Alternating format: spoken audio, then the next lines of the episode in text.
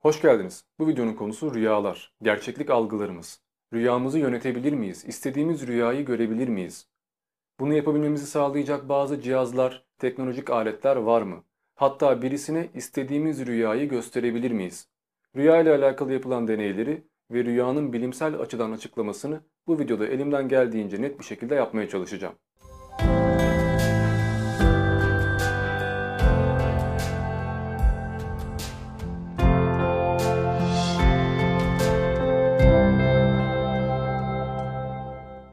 Rüyaları nasıl gördüğümüzü ve rüyaların ne anlama geldiğini anlayabilmek için öncelikle nasıl düşünebildiğimizi anlamamız gerekiyor. Tabii ki burada evrimsel süreçte düşünebilmemizi sağlayan bazı etkenlerden ve beynimizin nasıl geliştiğinden bahsetmeyeceğim. Daha çok düşüncemizin bazı formatlarından, örneğin düşüncemizin ne kadar farklı şekillerde ortaya çıktığından bahsedeceğim. Düşünceyi basitçe izah etmek gerekirse bunu üçe ayırabiliriz. Örneğin kontrollü, taşan ve saplantılı. Taşan düşünce basitçe şöyle aktarılabilir. Siz yolda yürürken durduk yere aklınıza 10 sene önceki bir hatıranız gelir.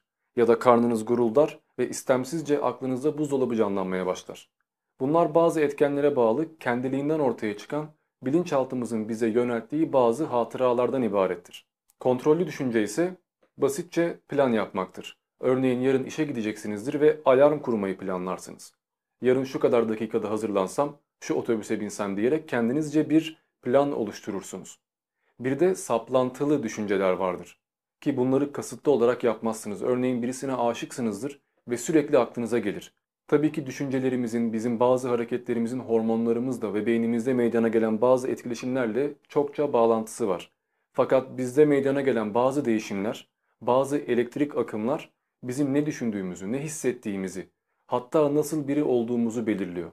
Zaten bununla alakalı aslında kararı siz mi veriyorsunuz yoksa DNA'nız mı diye bir video yapmıştım. Onun da linki açıklama kısmında var. Düşünceyi anladığımıza göre bir de rüyalara bakmak lazım. Çünkü rüyalar da aynı şekilde üçe ayrılıyor. Kontrol edilebilen rüyalar, bilinç altından taşan rüyalar, aynı şekilde kontrol edilemeyen hapis rüyalar yani aslında kabuslar. Tabii ki bunlara girmeden önce rüyalarımızın nasıl oluştuğunu ve rüyalarımızla alakalı yapılan bazı bilimsel deneyleri aktarmam gerekiyor. Örneğin 1953 yılında Nathaniel Kleitman ve Eugene Aserinsky EEG yani elektroensefalograf yöntemiyle rüyanın ikiye ayrıldığını belirledi. Buna göre REM ve non-REM olmak üzere iki farklı uyku çeşidi var. Ki REM aslında hızlı göz hareketleri yani Rapid Eye Movement anlamına geliyor. Ve bunun da bir sebebi var. Stephen Loberg isimli araştırmacı, biz uyurken bedenimizdeki bütün kasların hatta göz kapaklarımızın bile kendini korumak için felçli duruma geçtiğini gösterdi. Yani basitçe siz uyurken bedeniniz tıpkı ölmüş gibi yatıyor ve beden kendini onarmaya, hücreler kendini yenilemeye uğraşıyor. Fakat gözlerimiz asla ve asla kendini kaybetmiyor, sürekli hareket ediyor. Yani siz rüyadayken gözleriniz bir sağa bir sola sürekli dönüyorlar ve bunların hızına göre, hareketlerine göre rüyanın hangi evresinde olduğunuz anlaşılabiliyor. Ki rüyayı da dört evreye böldüler. Bunu basitçe anlatmak gerekirse birinci evrede uykuya hazırlanıyorsunuz. Bedeniniz kendini rahatlatmaya başlıyor, uyumaya çalışıyorsunuz, hayaller kuruyorsunuz. İkinci evrede ise hayaller artık gerçeklikle karışmaya başlıyor. Hafiften rüya görmeye başlıyorsunuz. Kalp hızınız yavaşlıyor, beden ısınız düşüyor. Fakat bu esnada bazı olaylar yaşanabilir. Örneğin bir anda yumruk yediğinizi ya da bir yerden düştüğünüzü hissederek anında kalkabilirsiniz. Hani ya tam da yatmak üzereydim diyorsunuz ya işte o esna ikinci evre. Çünkü bu evrede artık beyniniz etraftaki sesleri duymayı bırakıyor. Etraftaki ışığa odaklanmayı bırakıyor. Daha çok kendisini bir aleme odaklamaya çalışıyor. Ve bu esnada en ufak bir ses sizi yerinizden kaldırabilir. Üçüncü evrede ise artık beyin çok yavaşlamaya başlıyor ve resmen artık beden kendini tamir etmek için hazırlık sürecine giriyor. Bundan sonra dördüncü evrede artık derin uykuya geçiyorsunuz. Ki uykumuzun %70'ini bu evrede geçiriyoruz ve bu esnada gördüğümüz rüyaların neredeyse hiçbirini hatırlamıyoruz. Genellikle hatırladığımız rüyalar REM uykusu esnasında. Yani tam uyanmadan önceki birkaç saniyede meydana geliyor ki bu esnada bize saatler gibi gelen uzun rüyalar aslında gerçek dünyada sadece 5-6 saniyeye denk geliyor. Ki her zaman bu 5-6 saniye bile olmuyor. Genelde siz rüyanızda haftalar geçiriyorsunuz. Hatta amma uzun rüyaydı ya dediğiniz bazı rüyalar oluyor. Halbuki bunlar gerçek dünyada olsa olsa 4-5 saniye. İşte bu şekilde anlıyoruz ki rüyadayken bizim zaman kavramımız tıpkı gerçeklik kavramımız gibi değişiyor. Zaten bizim gördüğümüz rüyalara da genellikle çelişkili rüyalar deniliyor. Çünkü rüyadayken bizim mantıktan sorumlu olan prefrontal korteksimiz çok fazla devreye girmiyor. Biz daha çok hafızadan sorumlu hipokampüs ve duyguları yöneten amigdala ile birlikte bir rüya alemine dalıyoruz. Bu yüzden çok mantıksız olsa da bunları fark edemediğimiz rüyalar oluyor. Örneğin siz bir anda uçmaya başlıyorsunuz. Ya da evinizde yürüyorken bir anda iş yerinde oluyorsunuz ve bu gayet normal geliyor, sorgulamıyorsunuz.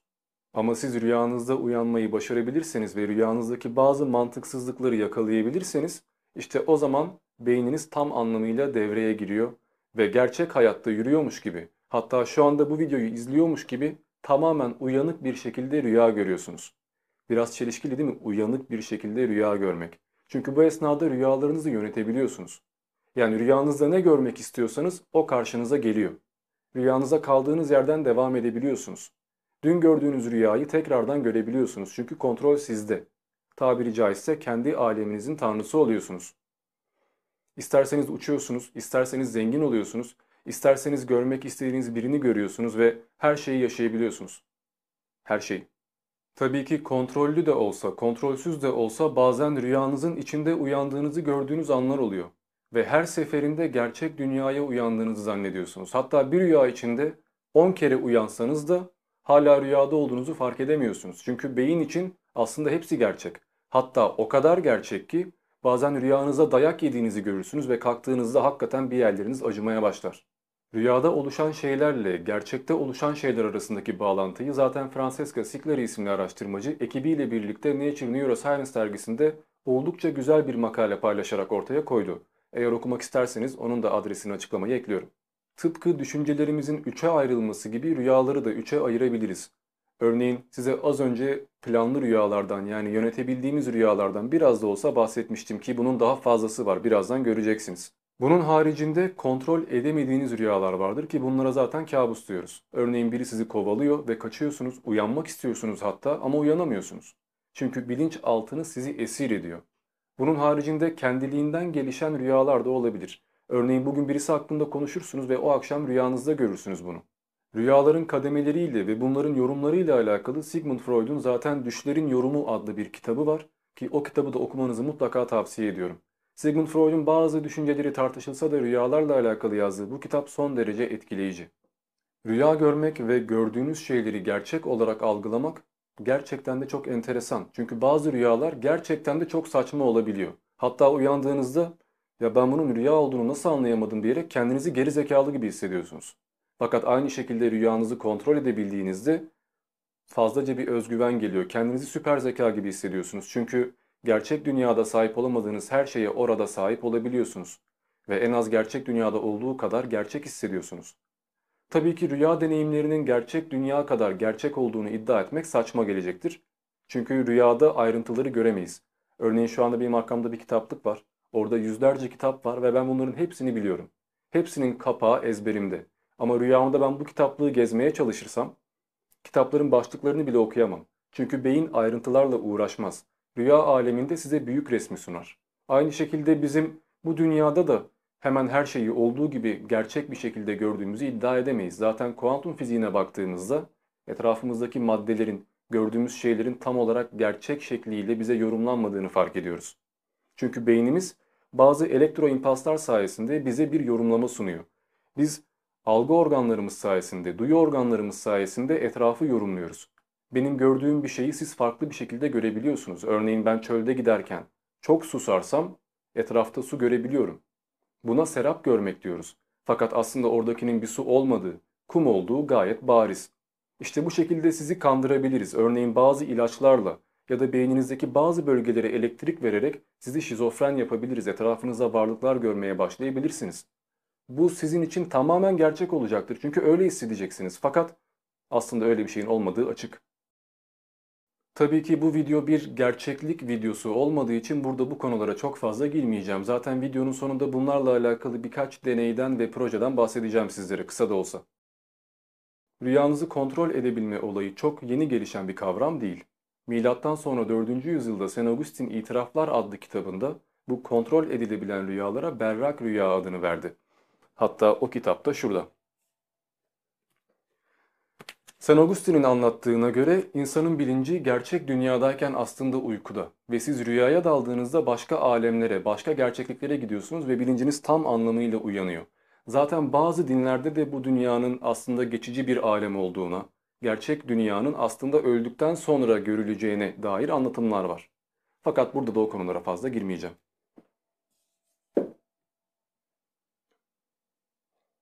Dikkat ederseniz rüya ortamı, rüya alemi hatta rüyayı kontrol etmek birçok dinde hala kullanılan bir yöntem. Örneğin Budistlere bakarsanız onların duru görü veya astral seyahat dediği şeylerin aslında rüya kontrol olduğunu göreceksiniz. Zaten bununla alakalı çalışmalar ve taktikler var. Siz bile kendi kendinize rüyanızı kontrol edebilmeyi öğrenebilirsiniz. Fakat bu taktiklere girmeden önce eğer gerçekten lucid dreaming ile alakalı bir merakınız varsa 1974 yılında Patricia Garfield'ın yayınladığı Lucid Dreaming adlı kitap size oldukça yardımcı olacaktır. Rüyayı yönetebilmek için kullanılacak bazı taktiklere gelirsek, örneğin siz her gece uyumadan önce kendinize şu anda yataktayım, şu an ben başka bir alemde değilim, şimdi uyuyorum diyerek kendinize bunu telkin edeceksiniz ve aslında kendi beyninizi hipnoz edeceksiniz. Böyle olunca birkaç gün sonra artık, belki birkaç rüyadan sonra kendinizin aslında yatakta olduğunu hatırlamaya başlayacaksınız. Başka bir alemde rüya görüyorken Aa ben şu anda aslında uyuyorum. Bunu fark edeceksiniz. Bunun haricinde sizi etrafınızdaki objelere bakmaya yönlendirebiliriz. Örneğin rüyanızda bahsettiğim üzere gerçeklik daha farklı. Örneğin rüyanızda kitaplıktaki kitapları okumaya kalksanız okuyamayacaksınız. Tabii ki bunun rüyadayken aklınıza gelmesi için biraz dikkatli bir insan olmanız gerekiyor. Yani aslında hafıza sarayı yapar gibi etrafınızdaki her şeyi beyninize kaydetmeniz gerekiyor. Ve gerçek dünyada da dikkatli davranarak rüyaya daldığınızda bir kontrol yapmanız gerekiyor. Bunu zaten denerseniz birkaç rüya sonra başarabileceksiniz. Fakat rüyada olduğunuzu anladıktan sonra da bir uyanma süreci var. Beyin kandırıldığını anlamaya başlıyor. Madem rüyadayım ve madem yakalandım o zaman uyanmam lazım diyor. Bu esnada sizin gördüğünüz şeylere odaklanmanız lazım. Yani uyanmamak için bir çaba göstermeniz lazım. Uyansanız bile etrafınızdaki her şeyi rüyanızı son derece net bir şekilde hatırlayıp ona tekrardan dönmeye çalışmanız lazım. Ki bununla alakalı da bir üniversite deneyi var zaten. Dr. Denholm Aspey 169 öğrenciyle 200'den fazla deney yaparak 200'den fazla tekrarla insanları uykuya yatırıp gördüklerini hatırlayarak tekrardan aynı rüyaya geri dönmeleri için bir proje başlattı. Bu projeye göre siz 2 saat sonrasına veya 5 saat sonrasına alarm kuruyorsunuz ve alarm sizi uyandırdığında rüyanızda gördüğünüz son sahneyi hatırlamaya çalışıyorsunuz. Oraya dönmek için tekrardan uyumaya çalışıyorsunuz. Arka arkaya böyle birkaç kere uyanarak ve bunu birkaç hafta tekrar ederek katılımcıların %50'sinin rüyalarına kaldıkları yerden devam edebildikleri ve %17'ye kadar insanın rüyalarını istedikleri gibi yönetebildikleri ortaya çıktı. Ama bahsettiğim üzere rüyanızı yönetebildikten sonra bunun bazı yan etkileri olacak tabii ki.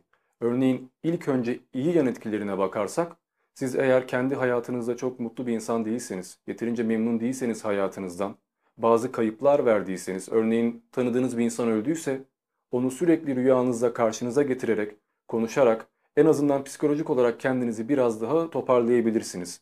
Ya da uyku problemi yaşıyorsanız, örneğin her gece kabus gören ya da uyuyamayan bir insansanız, rüyanızda istediğiniz gibi kontrol sizde olduğundan dolayı, kendi rüyanızın tanrısı olduğunuzdan dolayı istediğiniz gibi uyuyabileceksiniz.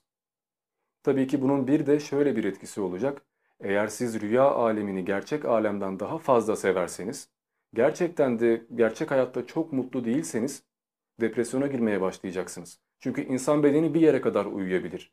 24 saatin 24'ünü de uyuyamazsınız. Bu zararlıdır. Fakat siz daha fazla uyumak için uyku hapları almaya başlayacaksınız. Bir süre sonra gerçek dünya size o kadar sahte gelmeye başlayacak ve hatta rüyanızda gördüğünüz şeylerin gerçek olduğuna inanmaya başlayacaksınız ki artık rüyanızdaki hatıraları gerçek hatıralarla karıştırmaya başlayacaksınız. Çünkü beyin uyuşabilen ve kendini kandırmaya çok meyilli bir organ.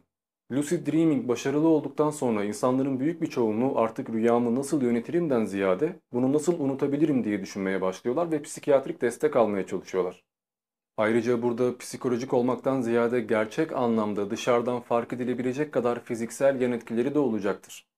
Örneğin siz sürekli uyuduğunuz için ve uyurken beyniniz otopilottan ziyade kendi kendini yöneten tıpkı şu anda bu videoyu izleyen siz kadar canlı olacağı için tam olarak uyumuş olmayacaksınız. bedeniniz tam olarak dinlenmeyecek. Sürekli uyuşuk hatta uyuşturucu bağımlısı gibi görünmeye başlayacaksınız. İşte bu yüzden bilim adamları insanların kendi kendilerine rüya yönetmelerinden ziyade istedikleri zaman onları rüyalarında uyandırabilecek bir cihaz yapmayı düşündüler. Ki buna da zaten Dream Machine deniliyor. İnsan uyurken tıpkı göz hareketleri olduğu gibi beyninde de bazı bölgeler aktif olmaya başlıyor.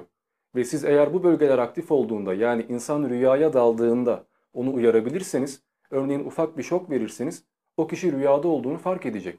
Çünkü diyecek ki hmm, şok yediğime göre demek ki ben şu an yataktayım bu gerçek değil. Böyle olduğunda kendi rüyasını yönetebilecek ve eğer kalp atışları hızlanır, kabus görür, yönetemez veya sıkıntılı durumlar yaşarsa bu cihaz onu uyandırabilecek. Fakat bu böyle bir cihazın da sağlıklı olduğu anlamına gelmiyor. Çünkü siz beyninizi eğer bir bölgeden çok fazla uyarmaya başlarsanız iki ihtimal var. Ya orası uyuşacak ve ağırlaşacak ya da oldukça hafifleyecek.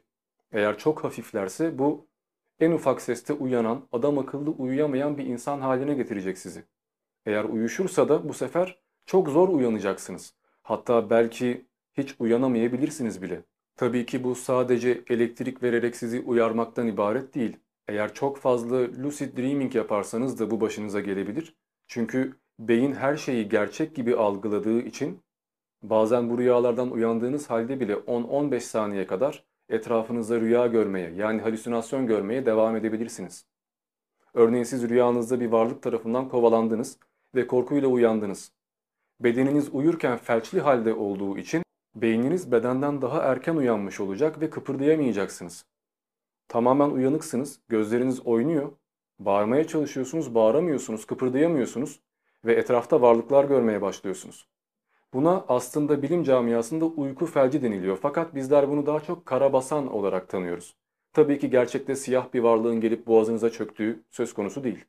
Bu tip vakalar genellikle çocukken ya da ergenlik döneminde daha sık görülür. Çünkü beyin dediğim üzere kendisini kolay kandırabilen bir organ. Ve çocuklar daha 3-5 yaşlarındayken her şeyi öğrenmeye meraklı, rüya ve gerçeği ayırt edemiyorken, örneğin rüyasında annesinin ona bağırdığını gören bir çocuk uyandığında bana niye bağırdın diye hesap sorabiliyorken, kendine hayali arkadaşlar edinebiliyor. Rüya ile gerçeği ayırt edemiyor. Aynı şekilde ergenliğe girdiğimizde sürekli yüksek yerlerden düştüğümüzü görmeye başlıyoruz. Böyle örnekleri daha da çoğaltabiliriz fakat sanırım yeterince ilgi çekici olmayacaktır çünkü neredeyse hepimizin başına geliyor bunlar. Biz şimdilik rüya cihazlarına geri dönelim. Size kontrollü rüya göstermekle alakalı cihazlar sadece Dream Machine'den ibaret değil. Örneğin şu anda ekranda gördüğünüz iBand Plus adlı proje, bu cihaz sizin sadece rüyanızı yönetmeyi değil, istediğiniz anda uyuyabilmenizi bile sağlıyor. Bu aletin fiyatı şu an 1400 dolar civarında. Ek bir bilgi olarak size sadece rüya göstermek ya da uyandırmaktan ziyade hangi rüyayı gördüğünüzü bile öğrenebilecek programlar var. Çünkü siz gerçek hayatta bir kedi gördüğünüzde onun sizde yarattığı etki beyninizdeki bazı elektrik akımlarıyla öğrenilebiliyor. Örneğin siz bir kadın düşündüğünüzde beyninizdeki A bölgesi aktif hale geliyor. Ve eğer rüyanızdayken A bölgesi aktif hale gelirse bu bir kadın gördüğünüz anlamına geliyor. %60 oranında nasıl bir rüya gördüğünüzü, neler gördüğünüzü doğru tahmin edebilen programlardan bir tanesini Kyoto'dan Profesör Yukiyasu icat etmeyi başardı ve tabii ki bununla alakalı projeler sadece bu kadar sınırlı değil.